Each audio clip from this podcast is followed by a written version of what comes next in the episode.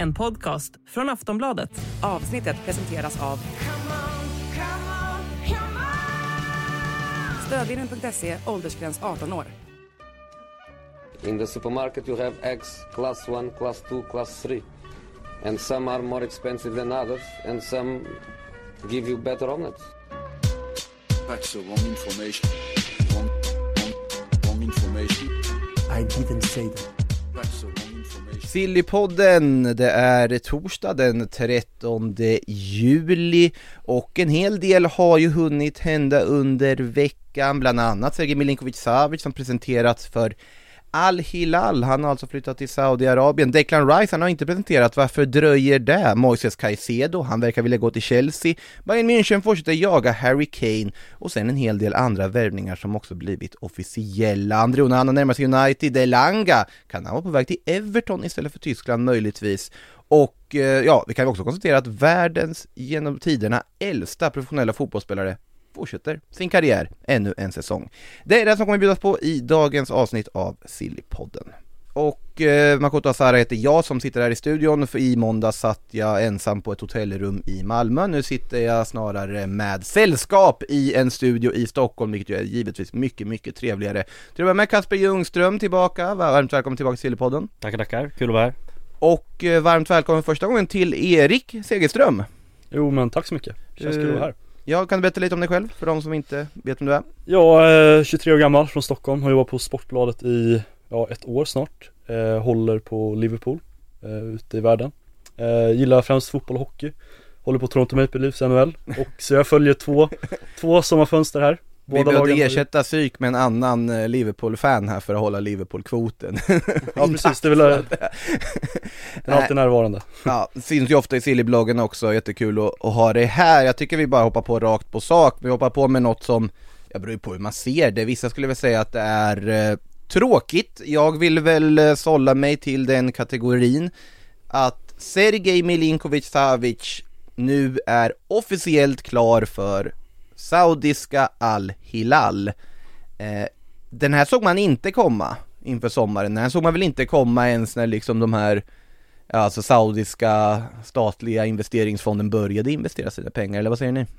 Alltså det, det kommer lite som en chock men, men samtidigt inte i och med liksom vad som har hänt de här senaste tre, fyra veckorna. Att mm. eh, det finns väl viss rimlighet i det samtidigt som man eh, inte riktigt förstår helt vad, vad Milinkovic Savic själv håller på med. I ärlighetens namn. Nej men det är ju den känslan man får att alltså, eh, Det här är ju en spelare som har ryktat till Premier League väldigt ofta och det här är ju också en ett transfersommar där det är väldigt många Premier League-klubbar som vill ha inne mittfältare. Alltså jag kan väl räkna upp flera som Sergej skulle ha passat i. Mm. Alltså tänker man ju, alltså Liverpool. Hade ju kunnat må jättebra av en, inte samma liksom ålder och, alltså vad ska man säga, profil kanske som de söker, men fortfarande spelare skulle göra nytta där. Arsenal har ju tittat på inne mittfältare, nu har de ju valt att köra Havertz som åtta och så vidare istället. Chelsea, det är förvånande tycker jag ändå att Al-Hilal eh, vinner en dragkamp, men det är väl för att de kan betala 40 miljoner euro i övergångssumma. Ja mm. men eh, är Lotito nöjd med det? Han har ju snackat om att han vill ha liksom 100 miljoner euro i flera fönster i rad här och det vart Juventus och Manchester United och ja, allt det, Nu hamnar han ju i Saudi. Det känns som att det svider lite hos Lotito att eh, att, inte ble, att han inte accepterade det här miljardbudet som han fick för några år sedan Han väntade lite för länge. Ja verkligen. Han har ju dock sagt rakt ut att jag ångrar ingenting Nej. att jag tackade nej till 120 miljoner euro eller vad det var han sa. Jag ångrar inte någonting, sen har ni för sig också konstaterat att eh, Alltså han är ju inte såld än Enligt Lazio Eh, Lazio har ju inte gått ut med något så här tack för din tid här och allt du har gjort för klubben, vilket ju hade varit ganska klädsamt att göra för en sån spelare som har betytt så mycket. Framförallt också förra säsongen här där han ju, när Immobile inte i alls hittade formen så var det ju Sergej som var den stora stjärnan och den ledsagaren till eh, Champions League-spel för dem. Eh, på, ur det perspektivet så kan man vänta sig att de skulle ha någon form av tack, tack för den tid Sergej, men det har de inte gjort och det är ju för att Lotito var tydlig. Vi har inte fått en krona än, vi har inte sett pengarna än. Så fort första betalningen finns på kontot, då har han sålt. Han har inte sålt sen. Eh, så, att, så att han är inte såld ur Latios perspektiv. Men eh, Al-Hilal har ju presenterat honom. Eh, den är då serbiske reslige mittfältare. Och de vill kombinera honom med en annan serb. För mm, de är ju även ute efter Aleksandar Mitrovic. Ja, en värvning som jag har svårt att se hur den ska gå igenom. Eh, jag tror att det krävs en, en enorm prislapp för att Fulham ska liksom börja fundera på att släppa Mitrovic. Eh, och jag tror att, jag tror att ur ett personligt perspektiv så kanske Mitrovic inte hade haft något emot att casha in lite grann men jag tror att Fulham värderar honom så pass högt att till och med Al-Hilal ska kunna dra sig ur här. Men alltså han är ju ändå 28. Mm. Han, ja han gjorde ju 14 mål, han är ju en fantastisk anfallare såklart men fortfarande om de får ett riktigt bra bud. Mm. Men vad, vad skulle det budet kunna ligga på då? då? 30, 35, Jag 40, tror- du tror inte det? Jag tror inte Nej, att för han har ganska lång kontrakt kvar också. Ja, en, en Premier League-klubb som Fulham som eh, ska släppa en Ja men Mm. stöttepelare som Mitrovic för 35 miljoner Det, det känns oerhört långsökt. Jag tror det måste upp mot eh, 50, 60 För att de ska börja titta på det Ja, Fulham är ju inte i samma liksom, ekonomiska knipa heller som eh, Nej. kanske inte Lazio har varit någon Exakt, knipa på exakt. så vis men fortfarande så Utan det är väl snarare så att de ska ta, ta kliv framåt i år eh, Snarare än att liksom rädda kontraktet och då tror jag att Mitrovic är en väldigt viktig pjäs i det I det bygget Du tror inte Carlos Vinicius håller? Nej, det, av det jag har sett här så jag är inte övertygad Men som du säger Kasper, eh, Mitrovic känns ju väldigt Saudi-kompatibel mm. Eh, Jag tror inte han skulle säga nej till, ett, till en jättelön där borta. Nej det är, väl- det är eh, Och nu har han ju bevisat sig liksom i Premier League, han gjorde ju 14 mål förra säsongen. Mm. Gjorde ju någon floppsäsong där för 3-4 år sedan. Var nere och vände Championship, gjorde 43 baljor på 44 matcher eller, eller vad det var. Mm. eh, Så han känner väl att de har varit i West, West Ham, eh, Fulham Mm. är det, i 4-5 år. Mm. eh, Så han känns ganska redo att checka ut tror jag i alla fall. Ja, visst, visst. Men eh, Man det är en vill se balansgång där. honom i en stor klubb. Man vill se honom göra en vända i en riktigt, riktigt bra klubb Ja. någon gång. Ja, vad, vilka skulle kunna plocka honom då, då tänker du? Lek med tanken, vilka letar en anfallare just nu som skulle behöva det? Man United. Ja, just det. Eh, ja. men alltså så här, det har varit lite löst snack om Mehdi Taremi va? Nu, Mm, ändå är mm, lite samma profil. Jag hade inte, jag hade ju stöttat den. Jag har suttit här i den här studion och sagt att Alvaro Morata hade varit en bra quick fix, så att då kanske Mehdi Taremi eller Alexander Mitrovic hade varit ännu bättre. Mm. Eh, vi får väl se om de lyckas. Eh, vi, vi ska riva av de här liksom eh, Saudiarabien-relaterade ryktena på en gång här, för det finns ett annat som också är och puttrar och det är att eh, Steven Gerrard presenterades, eh, är, är officiellt nu tränare för Al Ettifaq och Robin Quaisons gäng där då. Eh, han vill ju ha scoutersällskap. Och det är ju Jordan Henderson som han vill värva Liverpool-kaptenen och Henderson verkar ju faktiskt ha bestämt sig att vara öppen för att ta den här möjligheten. Ja, eh, what the fuck eh, är, väl det, är väl det man säger Alltså är man så förvånad? Jag, eh, nu är jag inte klar Nu är det bara Nej, rapporter, nej, nej. rapporter om att han har valt att Mm. bestämma sig för Saud här Men som Liverpool-supporter sedan eh, flera år tillbaka och följt Henderson hela hans Liverpool-karriär i alla fall så är jag väldigt förvånad över att han väljer att dra till Saudi Steven Gerrard var man såklart besviken över att han tog över ett lag i Saudiarabien men Jordan Henderson har, har i alla fall jag andra förväntningar på eh, Hans Jag trodde inte det om honom som person att han skulle lockas av ett bud i Saudiarabien Han har varit väldigt liksom vokal om hur viktigt det är att visa upp stöd för mänskliga rättigheter, regnbågsarbindlar och allt möjligt Mm. Och nu så verkar det som att han har valt att spela ett land där homosexualitet är förbjudet och kan straffas med stening och allt möjligt liksom Mm. Så det tycker jag är väldigt, väldigt tråkigt Det, är- det är väl bara ytterligare ett bevis på att eh, spelares liksom, eh, ja men eh, Jag ska inte säga värdighet men att det som tidigare är sagt och det som tidigare liksom spelare har stått för och sånt det, det betyder inte så jättemycket i slutändan utan det är flera Flera spelare som har visat liksom att det I slutändan så är det pengarna som räknas Ja. och eh, då är det så Kvaddrupplar du lönen så Mm, Så säljer du din själv, absolut. liksom. Det som jag tycker är lite så anmärkningsvärt är ju att Al Ettifaq är ju inte ett utav de här fyra eh, PIF-ägda lagen Nej precis, det är ju, det här är ju en annan verksamhet Mm. eh, så att det är ju, det är ju inte direkta statliga pengar i det här fallet. Nej, eh, Sen finns det väl liksom någon koppling på ett eller annat sätt också givetvis men eh, det är ju inte en av de här fyra stora nej. Som de har sin egen lilla satsning på sidan kan man väl säga och Ja men det är väl det som är, eh, ja men Mest ögon, ögonbrynshöjande liksom att, att det är inte bara de här fyra klubbarna som satsar enormt utan det är, det är klubbar runt omkring också som, som vill Stärka sina liksom eh, aktier i folks ögon och, och, och Värva in namn som folk i allra högsta grad känner till Ja, men det finns ju klubbar som Al-Shabab och Al-Tawun och sånt som borde behöva svara nu också på Mm. att de här spelarna kommer in i i ja, de, de fyra stora så att säga. Det var ju ganska mycket reaktioner på att alla liv var en av de fyra stora i Saudiarabien eftersom att de var ju nykomling förra säsongen. Mm. Och så var att det var efter deras första säsong någonsin i andra divisionen. Eh, men det är ju flera klubbar som, som rustar på så vis och så jag är också förvånad, Henderson, jag håller ju med dig Erik om att det är ju en spelare som som har stått upp för saker som inte riktigt rimmar så väl med att välja cashen i Saudiarabien. Eh, Men sen är det ju att det är ju den fotbollsvärld på något sätt vi har hamnat i där ingen kan uteslutas på något sätt Nej. göra den flytten. För Hendersons del så finns det liksom sportsligt logik på att just nu är han i ett läge där han kommer ju knappt få se dagsljus i Liverpool nästa säsong. Eh, han känner väl att det är ett läge att på något sätt röra på sig. Han vill kanske inte bara vara en stark röst i ett omklädningsrum över en säsong. Han verkar fortfarande ha ambitionen att vilja spela och vara en startande och bärande pjäs i ett lag. Mm. Det kommer ju inte han vara i Liverpool nästa säsong. Nej så är det ju. Eh, och Liverpool har ju börjat rensa på mittfältet. Nu är ju Alex och Chamberlain borta. James Mm. Miller är borta. Eh, fått in McAllister och mannen med konsonanterna, Dominic Mm. Sobislaj. Precis. Eh, så, så såklart, sportligt så, så är det ju logiskt. Sen, sen är det ju, vad heter Kefren Turam ska väl också, är väl inte helt utesluten än. Eh, nu verkar ju Nissa satt en ganska hög prislapp på honom också. Eh, väl när de vill öppna förhandlingar om de vill det. Sen får vi se om det var Soboslaj som liksom eliminerade möjligheten Turam eller hur Klopp har sett. Men det är ju minst en, två mittfältare till som ska in där i alla fall. Mm. Så att Henderson är ju inte någon de räknar med. Sen, som sagt, det är väldigt lätt att sitta och säga att man ska tacka nej till en kvadruplad lön. Det är väl Mm. liksom den känslan man får också. Mm. Eh, saker går att köpa för pengar. Så är det. Eh, och eh, pengar, det vill Chelsea lägga massvis av. Inte, inte för mycket, men i alla fall en hel del för att värva då Moises Caicedo. Eh, det här är ju fortfarande en eh, liksom ongoing process. Nu ska de väl vara framme till att ändå diskutera vad den här liksom fasta summan i en potentiell övergång skulle ligga på. Det pratas runt 70 miljoner pund. Någonstans där, Brighton vill ha mer, de vet också hur mycket de kan få för honom. Och Caicedo har ju varit ute och yttrat sig själv i, vad var det, Youtube-kanalen La Cancha con Mayo hade han varit och pratat, eh, att han bara öppnar för att, ja men såklart jag kan flytta till Chelsea, väldigt stor klubb, staden är vacker, skön känsla att vara eftertraktad, vem skulle inte vilja vara där?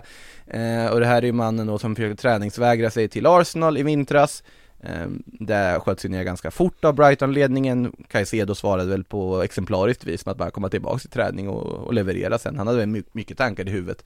Eh, nu är han nog inställd på att vilja flytta, för han ska ju ha fått löftet då att du får dra i sommar. Eh, men Brighton vill ha sina pengar också. Det känns väl som att det blir Chelsea eller? Ja, det är väl det, är väl det mest logiska i det här eh, läget. Det är, det är väl Chelsea och United då som har allra störst behov eh, av centrala mittfältare just nu skulle jag säga. Mm. Eh, och United, eh, ja, vem de är intresserade av där, det, det återstår att se men eh, Chelsea, det känns, eh, känns oerhört logiskt på alla fronter. Ja, det känns som att den kan vara klar inom en vecka kanske. Ja, alltså det, det lär ju vara klart förr eller senare i alla fall. Eh, sen är frågan hur mycket de får betala. Chelsea vet ju att de vill ju inte hamna i ett läge där de betalar överpris igen. Nej. Som de gjorde med Marco Correa. Eh, nu är ju liksom Moises Caicedo kanske en annan form av beprövad kvalitet. Mm. Eh, ålder och allting, det är ju en perfekta värvningen för dem och de måste ju värva in i mitt fält. De pratar om att Liverpool har rensat undan. Mm. Chelsea har gjort av med en hel startelva. Mm. Eh, alltså, jag har inte ett spelare som kanske hade startat, men just en hel elva har de i alla fall lyckats bli av med. Mm. Sen ska sägas att, eh, man kan säga man vill om sättet de har gjort det på, men fortfarande, de har fått betalt för sina spelare. De har gjort det väldigt bra och de är väl den enda klubb som har liksom lyckats med, ja alltså sin, eh, vad ska man säga, utförsäljning på ett sätt att säga. Manchester United har väl inte gjort det med en enda spelare än till exempel. Nej. Eh, Arsenal har väl en del de fortfarande behöver göra, Liverpool har ju tappat sidan på fri transfer till eh, stor del. Så att det, det, det heder till hur Chelsea ändå har lyckats få ihop det här på att eh, bli av med spelare. Mm. Ehm, Man kan ju säga också att eh, Brighton sitter i en ganska eh, bra position som har Mm. Arsenal håller på att värva Declan Rice eh, Mm. Och Brighton vill ju inte ha mindre pengar än vad Arsenal, eller än vad eh, West Ham får för Declan Rice Nej, så är det ju, så är det ju. Ja, men sen är frågan, när, när får West Ham sina pengar för Declan Rice då?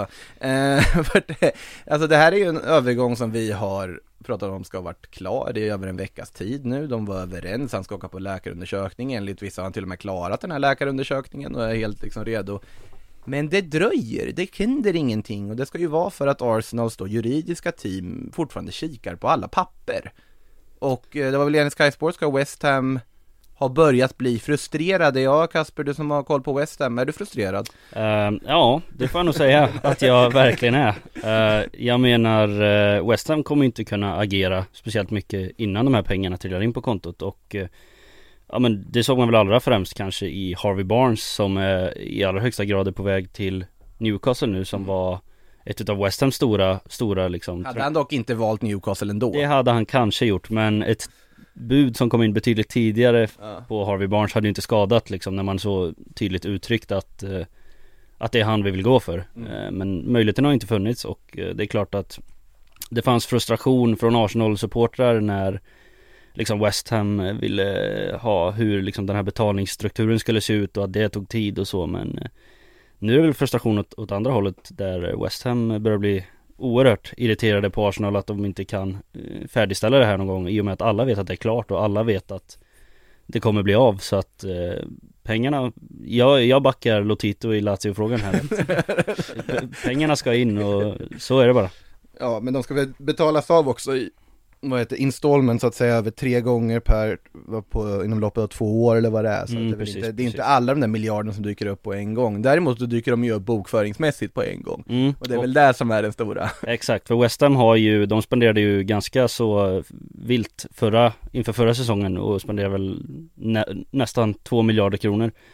Eh, så att eh, Financial Fair Play ligger ju där i bakgrunden och, och lurar lite och eh, därför behöver de här pengarna komma in förr eller senare. Det kommer de att göra men det får gärna komma Men, nu. men finns det någon där, alltså nu, nu, man har ju sett att eh, Fabrizio Romano har varit ute och nästan typ så här agerat psykolog åt stackars Arsenal-fans här, när han säger bara Ja men det är lugnt, jag lovar, jag har here we go att det här, han dyker upp, Timber kommer också dyka upp Men man undrar ju vad det är Ja verkligen. Arsenals juridiska team sitter och tittar på, är det så här att de inser att Shit, vi har ju inte råd med det här! Ja. Eller är det liksom att eh, eller någon annan detalj i liksom någon försäkring, man vet ju inte vad det är men det Nej. dröjer i alla fall och, det, och sen Rice tränar väl på egen hand borta i Portugal nu så länge. Mm, Precis, precis. eh, Så att eh, vi får väl se vad, vad som händer. Arsenal eh, börjar ju sitt eh, försäsongsmatchande här idag, borta match mot Nürnberg i Tyskland.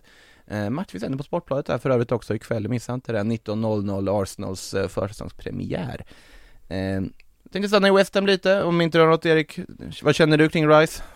Nej men som ni, ni känner också, kan inte bli klart snart Mm. eh, Alltså Twitterflödet är ju fullt, eh, fullt med massa jämförelser, vem, vilket lag har det bästa mittfältet? Då är ju Kai Havertz, Declan Rice och Martin Ödegaard på Arsenals mittfält, de har ju räknat hem den här redan Ja, Så det- presentera det, ja, skicka verkligen. pengarna till West Ham och, Ja.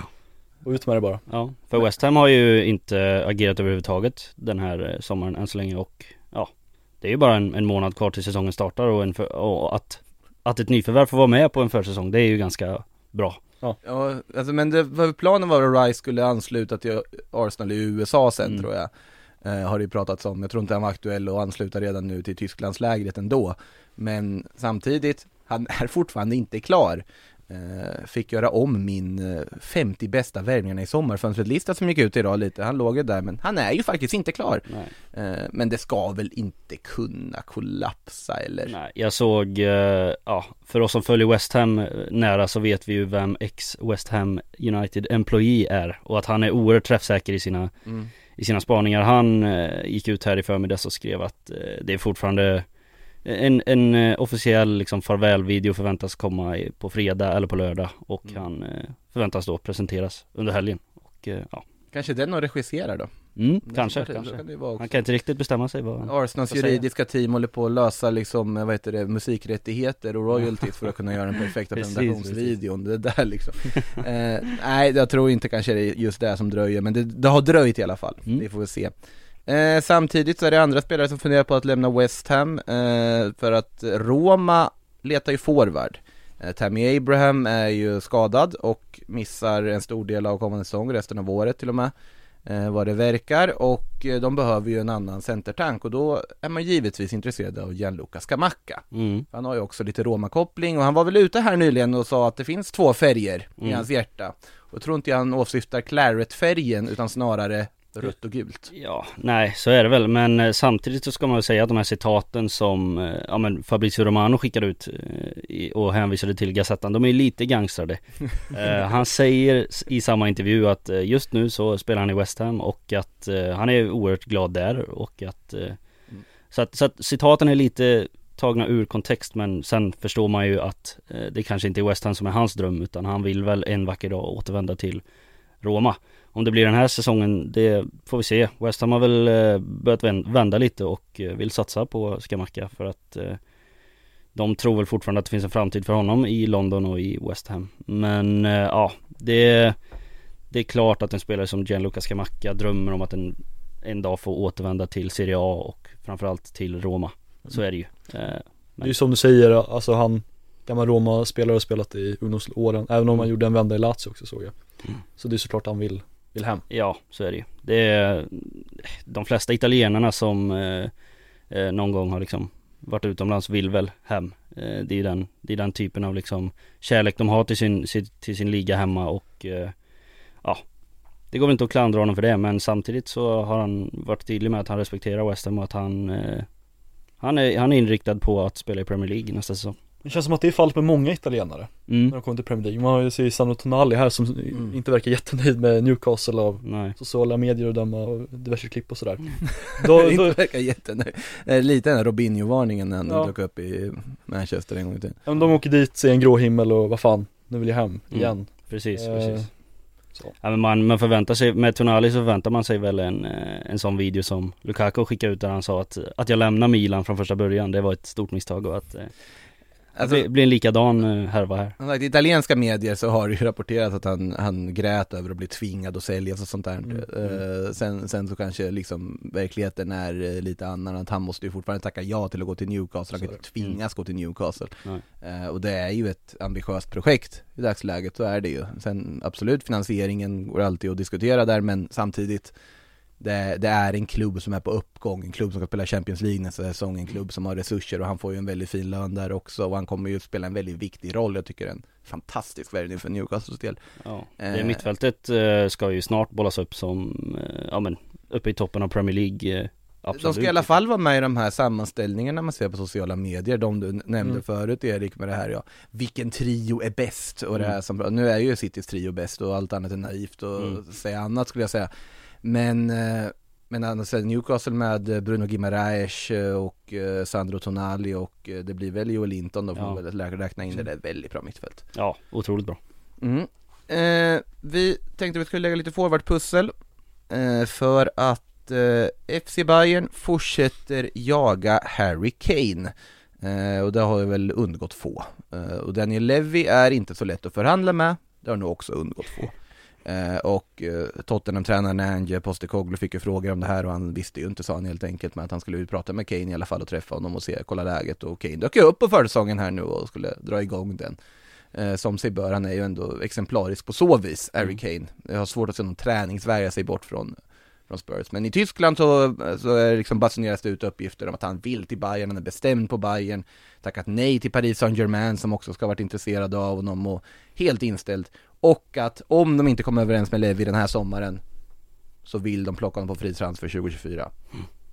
Ja, eh, jag, de gångerna jag har varit med i den här podden så har jag sagt att eh, jag tror att Harry Kane blir kvar i Tottenham och det tror jag fortfarande är fall, fallet. Men tror du han blir kvar på liksom förlängt kontrakt eller kvar bara över den här säsongen? Eh, eventuellt det andra alternativet att i i så fall så lämnar han nästa år. Men samtidigt då så är han ju, hur gammal är han nu? Han är 30, 29 nu. 29, då är han 30 nästa år. Eh, det finns inte så många år kvar eh, att kräma ut liksom. Det är, Alltså han har ju dock egenskaperna som gör att han kommer ju fortfarande vara en världsklass forward när 34-35. tror Samtidigt så är det ju en skadedrabbad spelare, han är väl aldrig hela en hel säsong känns det som. Så han lever ju inte på någon snabbhet och explosivitet, han lever ju på sin hjärna och sin, eh, alltså Ja absolut, han är ju otroligt mångsidig spelare men han har ju väldigt mycket styrkor i spelförståelsen. Ja, spelförståelsen för saker och ting, alltså liksom kylan när han får avslutslägen, de sitter ju liksom Mm, exakt. Och att eh, skjuta distinkt och hårt kan man ju göra även med liksom skadehistorik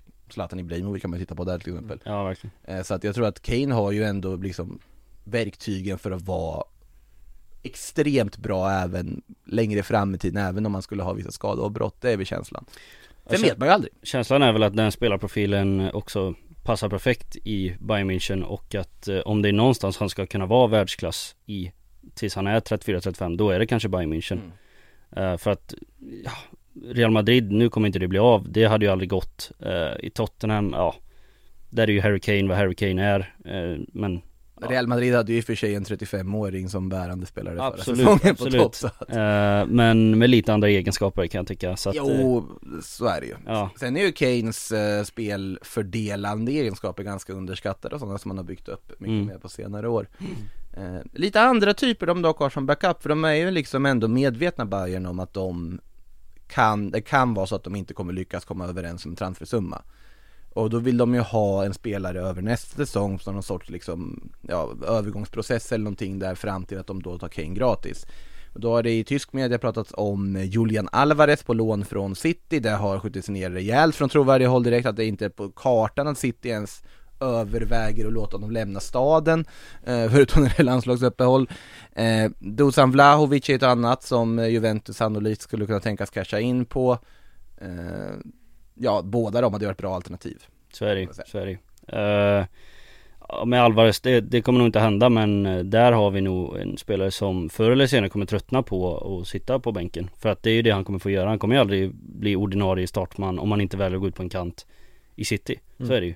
Och eh, då, då tror jag att det finns en, en riktigt, riktigt topp eh, toppspelare att hämta för det, det kommer bli succé nästan var han än hamnar. Det kan jag, det kan Julian Alvarez. Ja, det kan jag stå fast vid. För när han får spela så är han ju bra Ja precis, precis. Han är, jag tycker han är en otrolig fotbollsspelare med Ja men han har spelförståelse, han har snabbheten liksom, han har eh, Mm. Han har det mesta Ja. Så att, eh, men som sagt Spelartypsmässigt så kanske Vlahovic passar FC Bayern München lite bättre Men eh, ja det, det är två intressanta alternativ och det hade varit kul att se hur båda två kunde hantera en sån stor roll som nummer ett i ett så pass bra lag som Bayern München Ersätta en Choupo-Moting bara en sån Ja, verkligen Eh, Vlahovic ska ju för övrigt eh, lockas ju, eller PSG är ju intresserade av honom också, de vill ju ha nya anfallare. Vi får se vad som händer med Kylian Mbappé, inget nytt där ska sägas. Det är fortfarande samma, samma gamla grej där på att eh, han är bestämd på att stanna, PSG är bestämda på att han absolut inte ska stanna om inte han förlänger. Real Madrid sitter och lurar i vassen och väntar och bidar sin tid samtidigt som försäsongen har dragit igång där också. Eh, men jag tänker så här bara spontan så här snabb fråga, om vi tar då Bayern och PSG Ja vi tar de två för det är de som kanske tydligast letar forward också, United eh, dessutom med, de är väl fortfarande inne på någon sorts Rasmus Höjlund spår mm. eh, Men eh, vem tror ni är startande forward i FC Bayern nästa säsong? Ehm, jag sticker ut hakan och tror ändå att eh, de går på Kolomani. Jag, Att de vänder och tar ja, Kolomani jag, istället? jag Ja. tror att, för att Alvarez kommer de som sagt aldrig få loss. Uh, Vlahovic tycker jag känns personligen mer som en PSG-forward. Och eh, då, då kryllar det inte allt, av alternativ kvar. Och någon måste de ha in. Och då i sista stund så väljer de att vända i Kolomani-frågan och uh, betala den utlösa summan Ja, som krävs ja det, det tror jag faktiskt. Jag tror det. Det vore ju kul om de tog Kane Även om jag själv vill att han ska stanna, stanna kvar i Tottenham och Han är ju redan den klubbens största spelare genom alla tider tror jag Mm. Och gå för det här Premier League-rekordet, han har väl 40-50 mål kvar till Alan Shearers eh, 260 Något sånt. Men, eh, ja men jag sticker ut i hakan och säger att Bayern tar, tar Kane Jag var lite inne på samma spår, att jag tror att de, om jag skulle svara här och nu och gissa på magkänsla så säger jag att Harry Kane hamnar i Bayern München Uh, Victor Osimhen är helt uteslutet eller? Jag bara undrar nu för att ska han, han tanken är att han ska vara kvar i Ja, men har, har du sett vad De Laurentiis eh, var ute och sa här? Nej, det har jag missat. Äh, Att, eh, att ja, det finns en klubb som har råd Mm. att värva honom och det är Paris Saint-Germain, sa han. Och bjöd in dem bara, kom hit nu och lägg ert bud på 200 miljoner right, euro. Så Ja. säljer vi honom rakt av Typiskt De till är enda klubb som man inte, som liksom, och Simen som vill till Premier League, ändå kan tänka sig Tyskland, PSG var väl inte så aktuellt i, hans. Nej vi får, jag, jag tror ju att han blir kvar väl. Det- Mm. Det är för dyr prislapp de har satt på honom. Ja, Det ska det till att så. Osimhen själv bestämmer sig för att typ börja träningsvägra och plötsligt inte dyker upp eller Mm. något och tvinga fram en försäljning. Nu vet inte jag hur spännande det är att vara kvar i Napoli med tanke på att de har hans Rudi Garcia som tränare och Giuntoli har gått till Juventus och jag tror att det där Ja men det, riskerar det kollapsa fullkomligt efter Scudetto. Ja men exakt, det är ju det som eh, Det känns lite som att de ryktena bara har försvunnit i samband med att ryktena borde ha blivit mer och mer Ja men det blir mer och mer logiskt att han ska lämna Men samtidigt Han är ju för dyr, han är för dyr. Ja precis, men eh, Ja det är, det är en rävsax, det, det får man säga Det är som sagt Kvaratskhelia också, det pratar Mm. ingenting om honom. Nej, Men det är ju för att alla vet att det är helt omöjligt och såklart att klubbar har hört av sig Mm. och sonderat terräng där. Mm. Men de måste ju fått så tydliga svar att det här går inte. nej Alltså att det finns inte på kartan ens försöka. Och det är ju ofta så med så här transferrykten att sällan, ibland såklart finns det lösa rykten om spelare som absolut inte skulle röra på sig också, men oftast så finns det ju någon form av om, en spe, om ett lag verkligen försöker värva en spelare så har de ju fått någon form av indikation på att en spelare kan tänka sig göra flytten, annars så Mm. löser man inte sin tid på det. nej Eh, Vi har kanske en ny eh, Koulibaly att göra med här då I Osimhen att han, han blir kvar alldeles för länge och sen när han går så Blir det inte riktigt bra Ja, och alltså så länge, jag tror att om han, om han är kvar en säsong till då kommer han just förr eller senare att säga att, för han vill ju till Premier League, Mm. det är ju, Mm. det är ju hans dröm och det förstår man ju med liksom eh, Alltså så här, nigerianska spelare tidigare, jag tänker på Mm. Jeji Okocha och Nwanko Kanu och sådana som liksom Förebilder som har varit i eh, Premier League och spelat, Ja, så klart att han vill dit någon gång. Och jag tror att förr eller senare så är ju en klubb som kommer vara aktuell, Chelsea. Ja, Är känslan jag har. Ja men eh, Ja, Chelsea ska vi inte värva dem nu, de har ju lite annat för sig, de, de behöver ju en mittfältare primärt Mm. här och nu eh, Vi kan väl eh, konstatera också att eh, på tal om att lämna Serie A för England så är, verkar det mycket närmare för André Onana att göra det. Eh, Manchester United eh, på sitt eh, ja, sedvanliga, ganska sakteliga vis i förhandlingar. Börjar ju ändå närma sig och nu verkar det väl ändå bli av. Ja, det är ju den känslan. Det är ju lite som du sa med Caicedo att det är ju eh, det är det enda logiska i det här läget att det, man bara går och väntar på att det ska bli officiellt. Ja det kommer ju hända och nu är ju de Gea borta Mm. eh, Jag undrar, Dean Henderson, vad är status på honom? Ja, det är en väldigt bra fråga. Ja. Ja, han verkar ju inte ingå i Uniteds ekvation i alla fall. Nej och nu är han väl alltså född 97 tror jag Ja, 26 Forrest jobbar väl ganska hårt på att få loss honom vad jag har fattat det som. Ja. Han fick aldrig den där första spaden i United Nej, det var ett märkligt val av eh, United får man säga i efterhand. Eh, intressant här nu, liksom, eh, har respekt för att det här källan är ju inte någon eh, kanske jättetrovärdig men bara en snabb koll här så eh, så finns det så att Dean Henderson kan vara ett första val om Onana drar ut på tiden. Mm. Eh, nu är det ju dock Daily Mail som eh, rapporterat att han skulle kunna gå in och typ starta mot Wolves i, liksom, Mm. att han skulle kunna börja få chansen. Eh, det är ju inte helt otänkbart att han skulle kunna bli en sen övergång för honom och så, i så fall. Men vi får väl se, jag fattar varför Forrest vill få loss honom, Keylor Navas kommer inte vara kvar där. Nej. Eh, Jag ser här på Nottingham Keylor ska. Ja, det är också en, en fråga. eh, ja, men jag ser här på Nottingham Post att eh, Forrest eh, är redo att betala 15 miljoner euro plus add-ons eh, för, för Henderson och att det ses som en, en väldigt rimlig utväg för Så, honom. så fort Onana är på plats så tar det och sälj. Men innan det så ska de väl sitta, hålla honom kanske. Ja, så att så de inte sitter utan målvakt. Nej, men precis. De hit, de får kliva in. Eh, Ja. Eh, lite office, vi kommer tillbaka till United men först kan vi dra, riva av lite officiella grejer som har bekräftats här under veckan. Pau Torres eh, är nu officiellt en Aston Villa-spelare. Eh, jättefin värvning av Monchi och Emery och gänget där. 32,5 miljoner euro plus add-ons är det väl de betalar för och det är ett väldigt bra pris för en väldigt skicklig mittback. Eh, Barcelona har gjort klart med supertalangen Vitor Roque. Eh, han kommer dock först nästa säsong, inte den här. Eh, hänger kvar i Brasilien ett tag också. Där ska man ju ha skjutit bort Premier League-intresse, han kunde fått mer pengar och de, alltså Atletico Paranaense kunde fått mer pengar och sälja till Premier League, men Vitor Roque var inte på Barcelona. Intressant detalj där, det är 2023 i år. 1993 värvade Barcelona Romario. 2003 värvade de Ronaldinho. 2013 värvade de Neymar. 2023 Vitor Roque. Ja. Vem vet om det här blir en samma, samma framgångssaga som de tre andra brassarna jag nämnt. De har ju värvat andra brassar förr också mellan Mm. de här åren, typ så här Coutinho, Douglas Precis. och Rafinha och allt vad det är.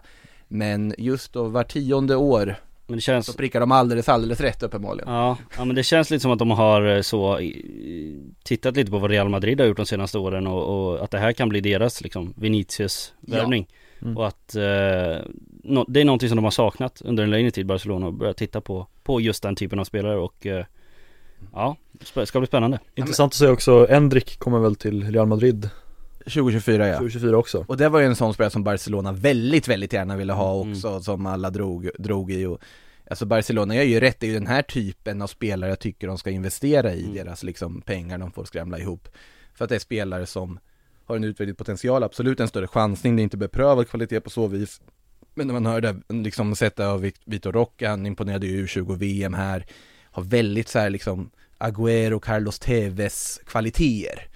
Alltså det är ju en kort, ettrig forward med riktigt fint målsinne och, och speed och teknik. Det är en, en väldigt bra fotbollsspelare, verkar det vara i alla fall. Framförallt en eh, fotbollsspelare som har ruskig stjärnstatuspotential eh, Man kan säga vad man vill liksom om, om Gavi och Pedro och sånt men en mittfältare kommer ju aldrig få riktigt samma status som om du får fram en lovande anfallare på det sättet som, eh, som det här kan bli Och presenteras med tigrar och allt vad det Ja, är men nu, exakt, liksom. Så att det, det, de, ja, men- de försöker bygga det här redan nu. mm, En riktig, riktig stjärna eh, känns som att det hade gynnat Barcelona Mm. eh, Eller det är någonting de har saknat under en längre tid Ja, nej men vi får hoppas på att uh, Vitor Roque lyckas i Barcelona, han ska väl dit och ja, vikariera under Robert Lewandowski eller någonting då första säsongen Man hade nästan velat se honom komma direkt på att få lära sig upp men jag tror inte Barca riktigt har råd eller möjlighet att registrera honom nu De är fortfarande på jakt efter Oriol Romeo vad det verkar som ersättare till Sergio Busquets, kan Ja. man tycka vad man vill om Ja. Eh, som sagt, men Rock, Rock är officiellt klar fast till nästa säsong. Samtidigt har Tottenham presenterat Manor Solomon, eh, Fulham-yttern, eller ja, Shakhtar-yttern som var på lån i Fulham.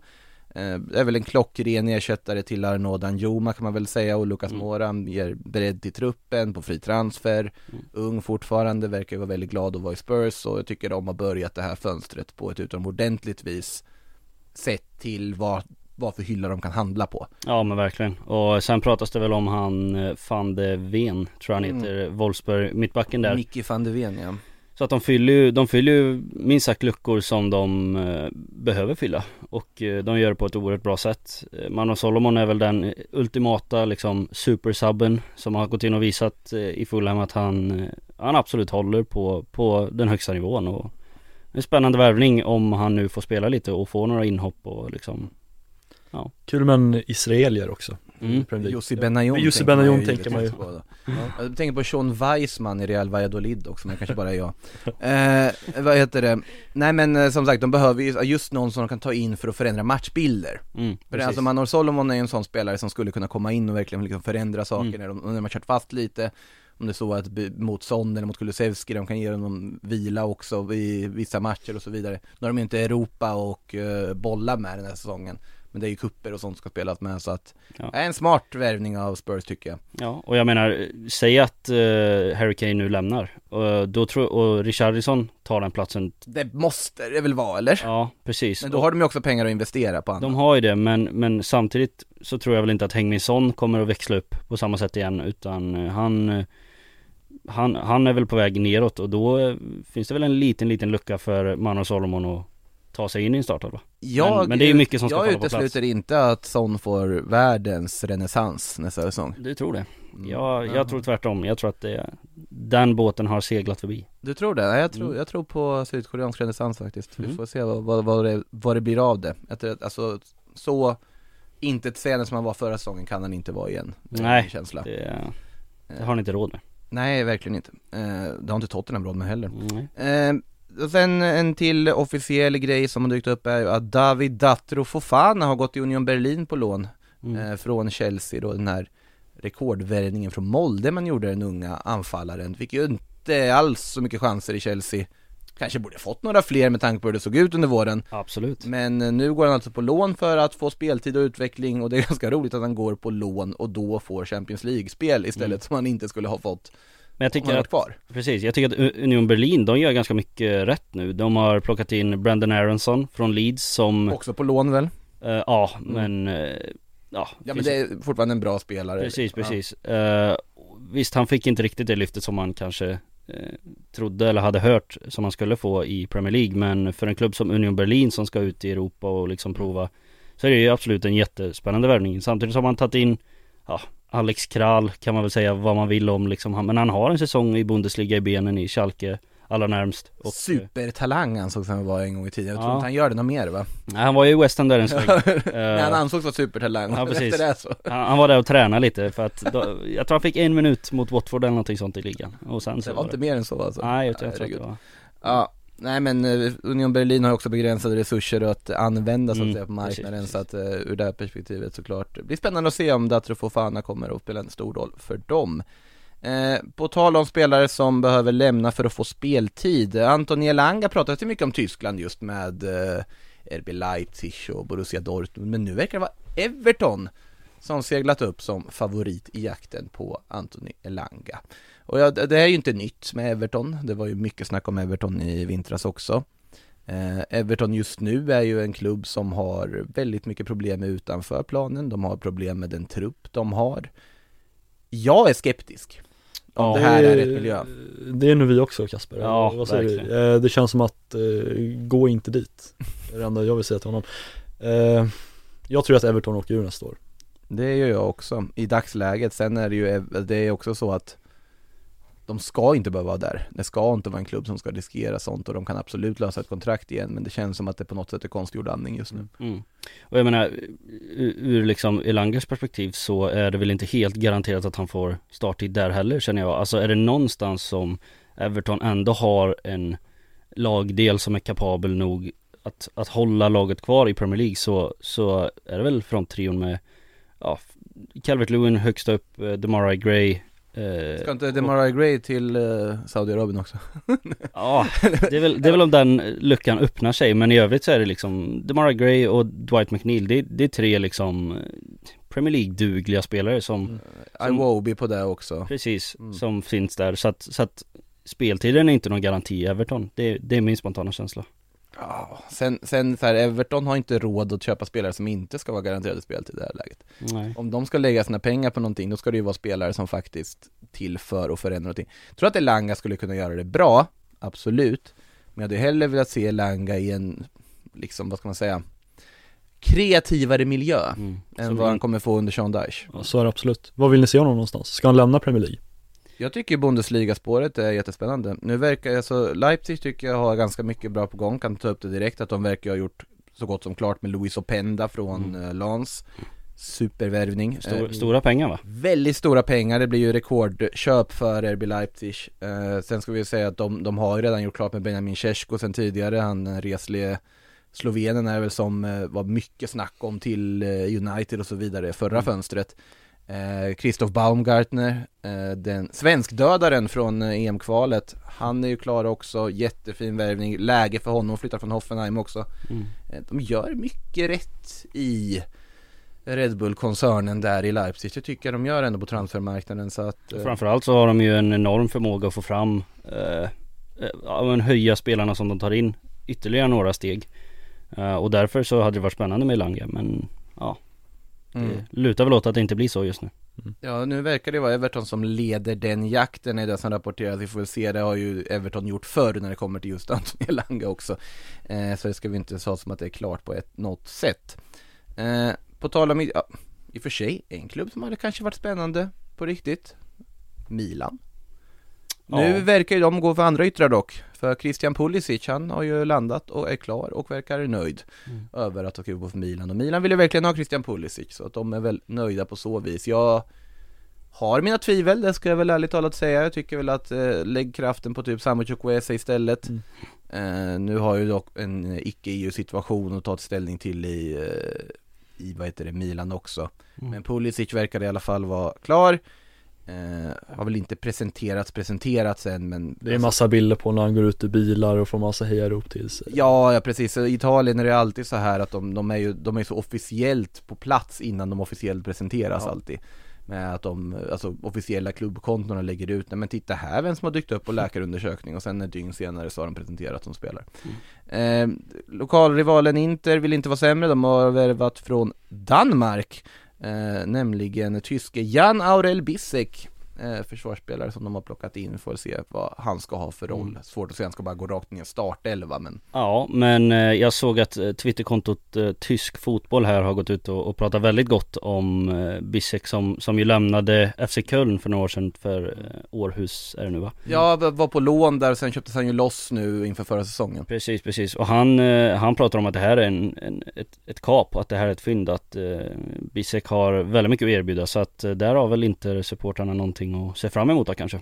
Ja, konto Tysk Fotboll på Twitter brukar ha koll på läget. Mm, verkligen, verkligen. Får man ändå säga. Så att, nej det, det blir spännande att se vad han får för roll där. De har ju tappat, eh, vad heter Milan Skriniar och så vidare. Stefan de Frey stannar väl dock verkar det som så. Hur blir det med eh, Acerbi där? Acerbi är ju kvar nu. Han var ju, Ja. det var ju det tänkte man ju när de värvade, bara, vad håller Inter på med? Vad är det här för nedmontering? Och sen var Mm. Acerbi typ bästa back under våren så att eh, Och de har förlängt med Bastoni så att eh, För ett Inter, alltså ur ett Inter-mått mätt så har de ju ändå börjat det här fönstret ganska, alltså Marcus Thuram tycker jag är en klockren värvning och fri transfer för deras del till exempel Mm, mm. Fratesi ska vi ju nämna också Ja. Det är Precis. Brozovic eh, ersättaren va? Ja, fast lite andra egenskaper. Alltså Fratesi är ju mer en liksom bolltransportör. Mm. Där kan vi om man ska återkoppla till det vi pratade om Roma och klubbhjärta. Fratesi var väl den som inför den här flytten till Inter då, han var ju på väg till Roma, länge. Mm.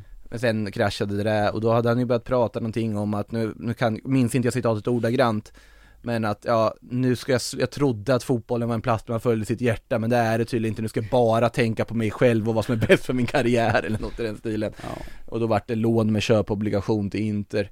Eh, jag tycker det är en jättebra värvning av Inter ska Ja, jag säga. verkligen. Otroligt bra, för det är precis den här typen av yngre, en yngre italiensk stomme jag tycker de behöver. Mm. Eh, det är ju typ som när de värvade Nico Barella, det är den typen av värvningar de ska satsa på tycker jag. Ja, och, och ett mittfält med Barella och Fratesi, det är ju också ett, ett väldigt storslaget mittfält, ska man ju säga. För nu blir väl Barella kvar också? Barella verkar ju bli kvar. Ja, det var ju lite Liverpool-snack på honom Det har varit mycket Liverpool-snack Mm. också och mycket United-snack och allt möjligt och det förstår jag för en fantastisk mittfältare eh, Men också såhär, Chalanoglu har ju visat att han kan hantera Brozovic-rollen, Brozovic har varit skadad också Så jag gissar väl på att det kommer att vara Fratesi, Barella, Chalanoglu så på det där mittfältet eh, Utifrån, utifrån sina resurser det här fönstret så tycker jag att inte gör, eh, ja men ett av de bättre fönstren i Europa. Eh, Jag menar de plockar in Marcus Thuram på fri transfer som Ja. är Han kan ju bli eh, en riktig superstjärna. Det, det fick man ju se, inte minst så blev jag lite liksom förälskad i honom, ja så sent som i VM. Han var ju en en toppengubbe där liksom och eh, Fratese är ju perfekt, det är precis de värvningar de ska göra. Bissek eventuellt då. jag, jag, jag har inte sett mycket av Århus, det ska man ändå med Nej, samma här, samma här men ja vi- Alltså de, de gör väldigt mycket rätt, inte är känslan. ja, eh, Gör de fortfarande det om de betalar det det pratas om för Romelu Lukaku? Det, det Tycker jag att de gör ändå eller? ja, det, det var tycker jag. 30 miljoner euro någonting va? Ja det pratas ju om det här just nu i alla Mm. fall Det, det är ju en anfallare som inte minst vi inte vet vad, vad han går för och eh, Han verkar vara oerhört fast bestämd på att det är bara inte som gäller och då, då är det väl bara att slå till, är min magkänsla. Mm. Nej det blir spännande att se, sen eh, med Inter med tanke på deras ekonomiska läge kan de ju aldrig vara lugna för det kan plötsligt vara så att Lautaro är såld och Mm. då, då är det ju ett helt annat läge för dem Ja, det. eh, Ska vi nämna också att vi har ju en svensk forward som är på väg att slutföra en övergång Viktor Gyökeres på plats i Lissabon tillsammans med agent Hassan Settinkaya för att slutföra den Pratar mer om det i faktiskt Allsvenska podden idag för det är ju lite trickle down att det hamnar lite pengar hos BP och Aspudden Tellus i samband med att den här övergången blir av och det, är- det är ju fint Ja, det är väldigt fint. Eh, så, men det verkar som att Viktor Gyökeres då blir den femte dyraste svenska fotbollsspelaren genom tiderna när han flyttar till eh, Sporting Club.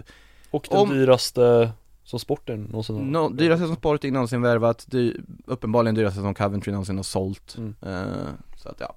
Är det en, en spännande övergång för hans del. Eh, men in, och en annan portugisisk övergång eller kontrakt som vi kan ta upp innan vi då går in på lite lyssnarfrågor är ju att King Kazu har förlängt kontraktet med ytterligare ett år med UD Oliveirense i den portugisiska andra ligan. Och vad i hela friden tar du upp där för kanske ni undrar? Jo, för att han är ju 56 år gammal, fyller nu 57 när, har fyllt 57 då när kontraktet går ut. Spelade ändå fyra matcher i ligan eller vad det var förra säsongen Och är fortfarande idag världens äldsta professionella fotbollsspelare Kazuyoshi Miura. Ja, men det, det är det här årliga liksom Twitter, eh, d- det, det, man ju påminns om det en gång Precis, per år. en gång per år så blir man helt eh, liksom häpen av att han fortfarande spelar fotboll men eh, det, är, det är fint tycker jag. Mycket Jag tyckte också fina var att han gick på lån till Oliver Ja, första gången. Från, från Japan tyckte jag var väldigt fint. Få, få tända eld på karriären igen. Ja men det där är så här, om det är något, något land vi har spelare som faktiskt går på lån fast de här gamla så är det ju Japan. Jag tror det var, måste jag se om jag minns rätt, men jag tror det var Yasuhito Endo, gamla, Japans Goti som jag kallar honom. Mm. Han gick ifrån Gamba Osaka till andra divisionen på lån för han ville ha speltid. Han var typ 41 eller 42 då tror jag. Ja. I jakt på speltid gick han på lån. Äh, jag tycker det är fint. Eh, Men King Kaz har ju sagt det själv, han sa det i samband med deras sista match för säsongen att men jag tänker spela till jag är 60. Så att, eh, får hoppas han gör det också. Ja verkligen. ganska häftigt. Håller tummarna. Det blir svårt att slå det här rekordet. Mm, Kan känslan jag säga. Det är, och det är, det är portugisiska andra ligan. det är inte som att han spelar gärdsgårdsfotboll fortfarande. Nej, nej. Och måste vara kortare inhopp, men likväl. Eh, lyssnarfrågor sa jag och det ska vi gå till nu. Eh, om vi sa så här då, eh, Swedish Magpie som frågar, för man kan ju vända på det här med Harvey Barnes. För om han närmar sig Newcastle av allt att döma, eh, har vi några tankar kring den potentiella värvningen för Newcastles del? Ja Kasper, du har ju pratat om Harvey Barnes Ja. varenda gång du kommit in på redaktionen den här senaste månaden eh, Ja, eh, ja men det var ju liksom en, en spelare som jag gärna hade tagit till West Ham. Han har, eh, han har, han, det är en speciell spelartyp Harvey Barnes tycker jag som är Han har det här liksom engelska, eh, den här engelska ryggraden som är lite så tuffare i fotboll men samtidigt så har han speed och liksom lite flair Så att eh, det, det är en spelare som intresserar mig oerhört mycket och jag tycker att eh, han, han eh, det kan bli hur bra som helst, är min känsla. För att eh, Saint Maximin är väl på väg därifrån och det är väl därför de tar in honom, Newcastle. Så att, eh, ja, super, supervärvning på alla, alla sätt och vis, eh, min känsla. Det känns ju, jag håller med dig Jag gillar också Harvey Barnes och Newcastle har ju prickat rätt i princip allt senaste Mm. Sen Saudi pengarna Mm. Anthony Gordon, har de prickat rätt där? Ah. Ja inte där kanske Ja, det är ju en spelare med potential också men Du är ju bliven U21 EM-mästare Mm. Ja, det är han dessutom också. Han gjorde väl helt okej.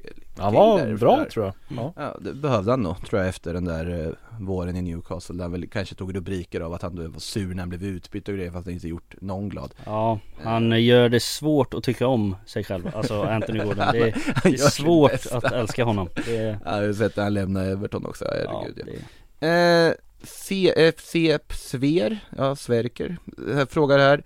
Tre brasilianska spelare som kommer in till Chelsea, Angelo, Mattias Franca och André Santos, vad kan man förvänta sig av dem? Är det spelare som går direkt på lån eller hur är det där? Eh, nu pratar, då är det ju det här unga brasilianska spåret vi pratar, Angelo och Gabriel då är jättelovande anfallare från Santos, Mattias Franca också jättelovande tonåring. André Santos imponerade ju här också i ungdomslandslagen Mm. i Brasilien, men har väl tillhört Chelsea tidigare med också ja. det är väl lite beroende på vad truppläget anses vara och hur mycket de imponerar om de kanske får möjlighet på försäsong om de kommer in en sväng eller något men annars så är det väl utlåningar till att börja med man kan tänka sig. ja, det är ju inte den lättaste truppen att slå sig in i. Nu har de ju Det är rensat inte den minsta truppen eller? Nej precis, de har ju rensat rejält Chelsea Mm. men eh, med det sagt så är det ju fortfarande en, en stor trupp med namnstarka namn så att eh, ja, utlåning känns väl närmast aktuellt. Kim Larsson har sett att någon vill buda 40 miljoner pund för Fabinho. Tar Liverpool pengarna och vem ersätter i så fall? Fabinho Ja, det bara ta, tar man 40 miljoner pund för Fabinho här och nu, då måste de ju värva ännu en mittfältare i sånt fall. Ja, Jag vill gärna ha kvar Fabinho Mm. Jag tror att det blir för mycket och Det tog vi inte upp tidigare men det är ju, det är ju en stomme nu som försvinner i Liverpool Mm. Med Milner och, och Henderson och Firmino eh, Fabinho också har ju varit med Sen 2019 när de vann Champions League och det kanske blir lite för många att tappa. Så jag skulle gärna vilja ha kvar Fabinho. Ur ett rent eh, sportsligt perspektiv så hade väl, eh, ja, Turam eller Lavia De hade väl varit ganska perfekta ersättare kan man tycka. Men eh, det är som du säger, någon slags stomme måste ju finnas kvar där. Ja, jag vill ju ha en generationsväxling men det ska ju ändå tas pö om pö Precis, jag. precis. Kan Och nu, nu ska vi ju konstatera vart det här uppgiften om det här budet kommer från. Det är ju The Athletic och David Ornstein under tiden vi har spelat in som rapporterar att Al Ittihad vill buda 40 miljoner pund för Fabinho. Okej. Eh, kombinera Fabinho med N'Golo Kanté på sitt mittfält då där och att eh, eh, han skriver också expected to develop fast one way or other. Key issue for Liverpool is letting number six go without replacement but working on this Romeo Lavia among multiple options. Eh, så att det är ju uppenbarligen konkret. att Fabinho skulle kunna säljas för ett sånt bud. Jag tror att han har kommit upp i åren något. Jag håller med om att det är farligt att släppa en hel stomme på det här sättet. Eh, Det har ju varit lite snack om man skulle casha in på Thiago snarare då med skadehistoriken och så. Men eh, ja, Al Ittihad jagar Fabinho i alla fall kan vi ju då konstatera.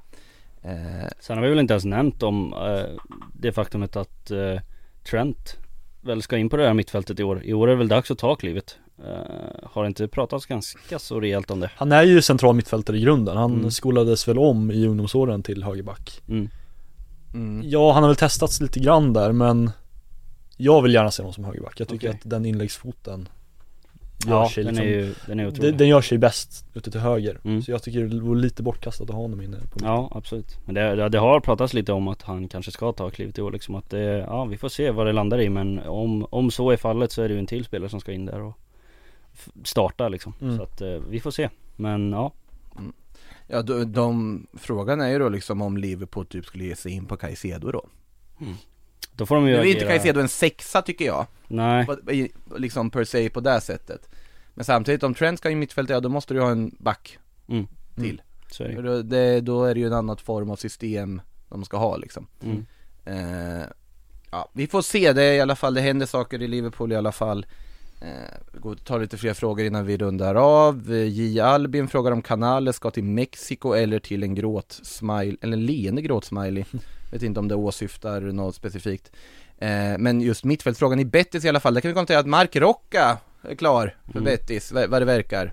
En värvning som du gillar. Såklart jag gillar den. Ja. Men eh, sen, så är det, man, man är lite förvånad att Mark Rocca aldrig har spelat för Betis, för han känns så otroligt Betis-kompatibel, även om man är liksom en, alltså, Espanyol-spelare i grunden och fostrad där och en Perico through and through så det känns bara, såklart han passar i Betis, det, Mm. jag tycker det känns kalas. Och så har du ju, Dennis Collado är ju klar där också från eh, Barcelona som lämnar efter x antal års utlåningar och annat.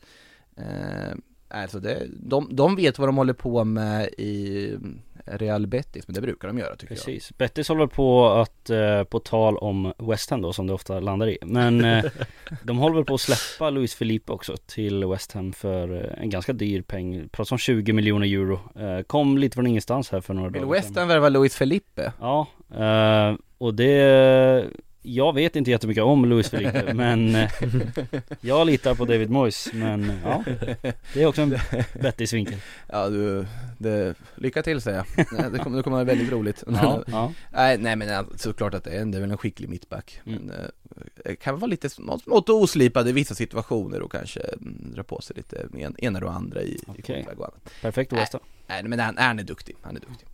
Eh, ska vi se, Gnaget 100% frågar, tror ni Kylian Mbappé går till Real Madrid nu i sommar, nästa eller inte alls? Hur kommer Real Madrid formera sitt mittfält i största del? Jag vet att det kommer bli en del rotation när alla är tillgängliga, till exempel ett El Clasico. Jag gissar på att det är fyra mittfältare man kommer köra, pratas ju om att Ancelotti ska börja spela en 10 eller någonting. Någon diamantlösning Ja, Kamavinga, Modric eller Kroos, Bellingham Ehm, Måste jag tänka vilka som finns, finns det många som heter. Ja det är Valverde. Chouameni ja, finns ju. Valverde lär väl också ingå i det där på något sätt. Ja, eh, Valverde, Bellingham, Modric slash Kroos Kamavinga säger jag kommer att vara start. Mm. Gissar jag. Jag eh, håller med. Jag tror att Modric eh, är snäppet före Kroos. Men eh, jag håller med. Eh, Ja, Apropå mittfältet till Liverpool har väl inte Valverde Så något rykte för någon månad sedan kanske det var väldigt löst rykte, Ja. sen tror jag att om de skulle kasta pengar mot Real Madrid för Valverde så hade Real Madrid ändå varit funderat på det mm. Jag tror inte de vill, men om Valverde själv skulle vilja, då tror jag man funderar på det. Sen är, tror jag ju att om de skulle släppa Fabinho, då tror inte jag överhuvudtaget är aktuellt för att de har ju värvat offensiva mittfältare. Valverde är trots allt en mittfältare som spelar högerytter ibland. Mm. Eh, Det är inte den profilen tror jag. Absolut han skulle kunna göra mycket nytta i Liverpool och jag tror att han skulle vara en fantastisk värvning för dem. Men då tror jag snarare att klubbarna kommer, det är, det är väldigt mycket snack i England om att alla ska värva Aurelien Chouameni som att han skulle vara till salu. Det tycker jag är väldigt intressant. Mm.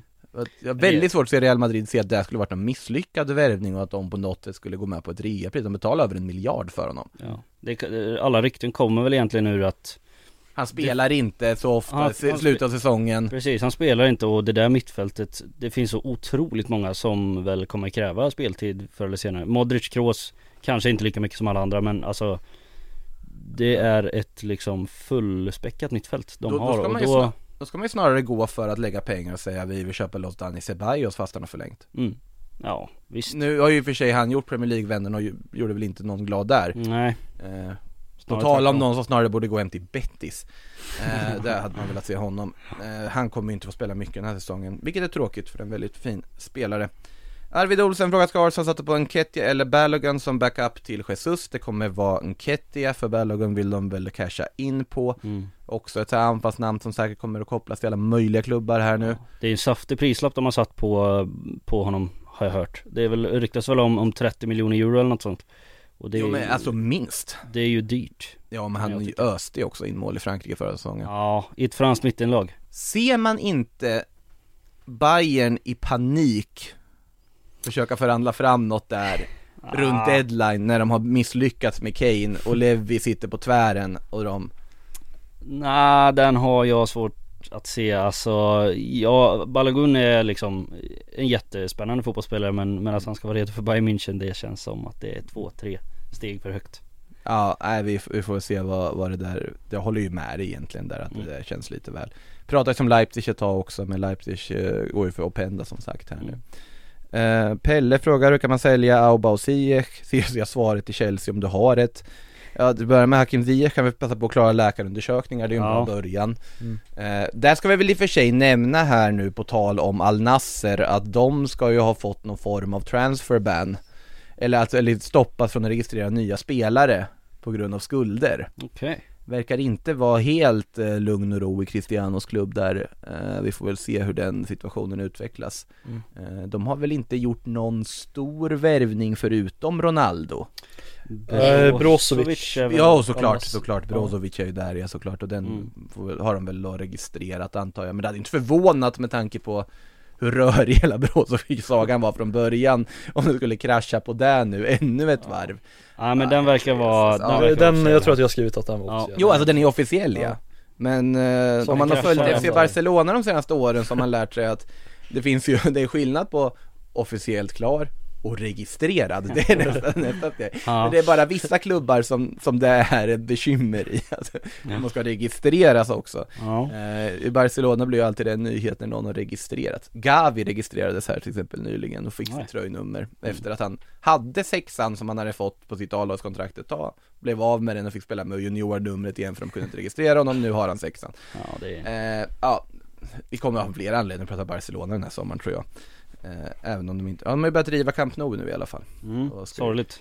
Ja, Läste ni hur de ska få in pengar till renoveringen eller? ja, alltså de- de har ju planerat den här renoveringen i många år som helst Så den tror jag ingår i deras budget och tanke också, bara att den har dröjt av av diverse skäl. Ja men de måste få in lite extra cash. Ja fast nu, nu har de ju ändå, ja just det, de skulle få in någonting på, vad var det de, De ska, ska göra? odla, odla säger jag, odla diamanter av gräset Jaha okej. Camp Kan man göra sånt? Ja. Det är någon förkol, jag vet inte, jag är inte kemilärare men Är det- det, det, det är på något Ja diamanter är gjorda av kol i grunden Ja precis, men, det, men de gör något med gräset i någon förkolningsprocess Mm. Ja, det, ja, de kan ju inte liksom sälja in eh, Camp Nou till bröllop och svensexorna mer, för det gjorde de ju en period också, för att samla pengar. Eh, är det, det är Det fascinerande. är olika man- får ge dem för att de är kreativa. Ja. Verkligen. Det, det, verkligen. de, de försöker olika saker och ja. Fick ju en ny sponsor här nu i, var det Pri- Prime Sportdryck, Mm. upp där. Mm. Eh, influencer-boxarna där. Ah. Eh, sidospår som eh, jag tolkar på att vi kanske börjar eh, nå slut och vägs ände på det här avsnittet idag. Eh, det- konstaterar som sagt att Sillypodden kommer köra på här nu under sommaren. Måndagar öppet och torsdagar som denna för er med plus och podmi. Och om ni inte har plusabonnemang som sagt, ikväll sänder vi försäsongsfotboll, Nürnberg Arsenal, vi sänder ju också Europa-kvalspelet för de svenska lagen och eh, massa andra träningsmatcher här nu också under säsongen. Ett El Clasico! Eh, vissa tycker inte att det får kallas El Clasico när det är försäsongsmatcher, men likväl Real Madrid mot Barcelona från USA bland annat, det sänder vi också. Så det kan vara värt plusabonnemang av den anledningen om inte annat för att kunna se lite fin försäsongsfotboll och Europakval i sommar. Med det sagt, eh, Kasper, Erik, stort tack för ni ville vara med och stort tack alla lyssnare för att ni ville lyssna. Ha det gott, så hörs vi snart igen. Hej hej. In the supermarket, you have eggs class 1, class 2, class 3. And some are more expensive than others, and some give you better omelets. That's the wrong information. Wrong, wrong, wrong information. I didn't say that. Du har lyssnat på en podcast från Aftonbladet. Ansvarig utgivare är Lena K Samuelsson.